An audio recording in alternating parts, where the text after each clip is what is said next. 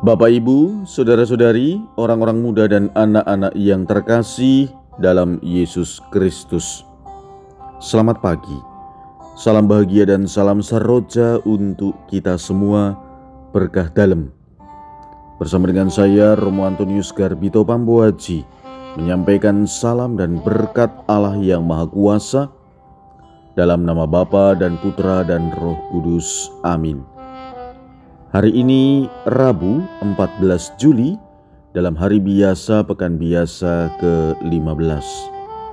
Bacaan pertama dalam liturgi hari ini diambil dari kitab Keluaran bab 3 ayat 1 sampai dengan 6 dilanjutkan 9 sampai dengan 12. Bacaan Injil diambil dari Injil Matius bab 11 ayat 25 sampai dengan 27.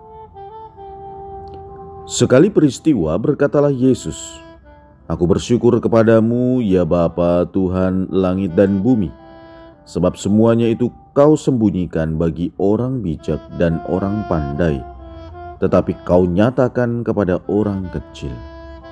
Ya Bapa, itulah yang berkenan di hatimu. Semua telah diserahkan oleh Bapakku kepadaku dan tidak seorang pun mengenal anak selain Bapa dan tidak seorang pun mengenal Bapa selain anak, serta orang-orang yang kepadanya anak berkenan menyatakannya.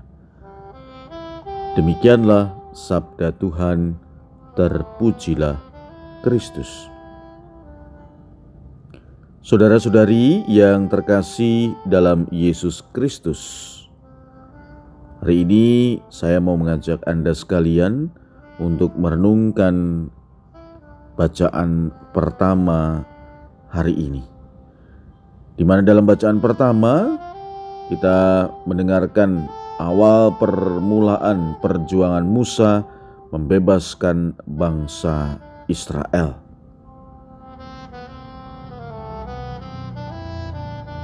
Dikisahkan bahwa setelah Musa melarikan diri ke Midian, ia kemudian menggembalakan domba milik Yitro mertuanya, seorang imam di Midian.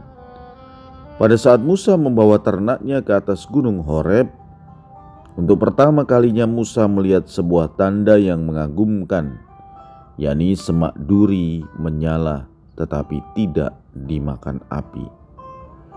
Musa pun berniat mendekati tempat itu. Ini menjadi kesempatan pertama kali Musa berjumpa dengan Tuhan Allah. Dalam perjumpaan itu terjadi dialog antara Tuhan Allah dengan Musa. Dalam dialog itu, Tuhan menunjukkan identitas dirinya sebagai Allah. Perjumpaan dan dialog yang hangat antara Tuhan dan Musa membuahkan sebuah pelayanan penuh syukur. Dalam Injil, kita mendengarkan Tuhan Yesus yang menyatakan syukurnya kepada Bapa di surga. Ia bersyukur karena semua hal yang perlu untuk menghadirkan kerajaan Allah dinyatakan sempurna kepada Yesus.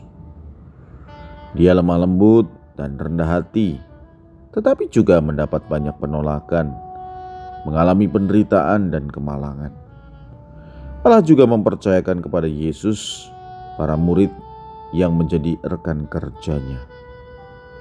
Mereka adalah pribadi-pribadi sederhana yang diutus untuk melakukan pekerjaan Allah, bukan pekerjaan mereka sendiri. Saudara-saudari, sabda Tuhan hari ini menyadarkan kita bahwa Tuhan senantiasa ada dalam hidup kita. Ia tidak perlu kita cari karena ia sendiri akan menunjukkan identitasnya kepada kita.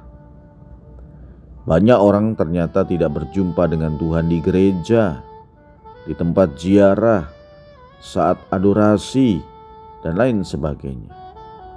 Mereka justru berjumpa dengan Tuhan dalam hidupnya yang nyata, di tempat di mana mereka bekerja, bahkan di dalam penderitaan sakitnya.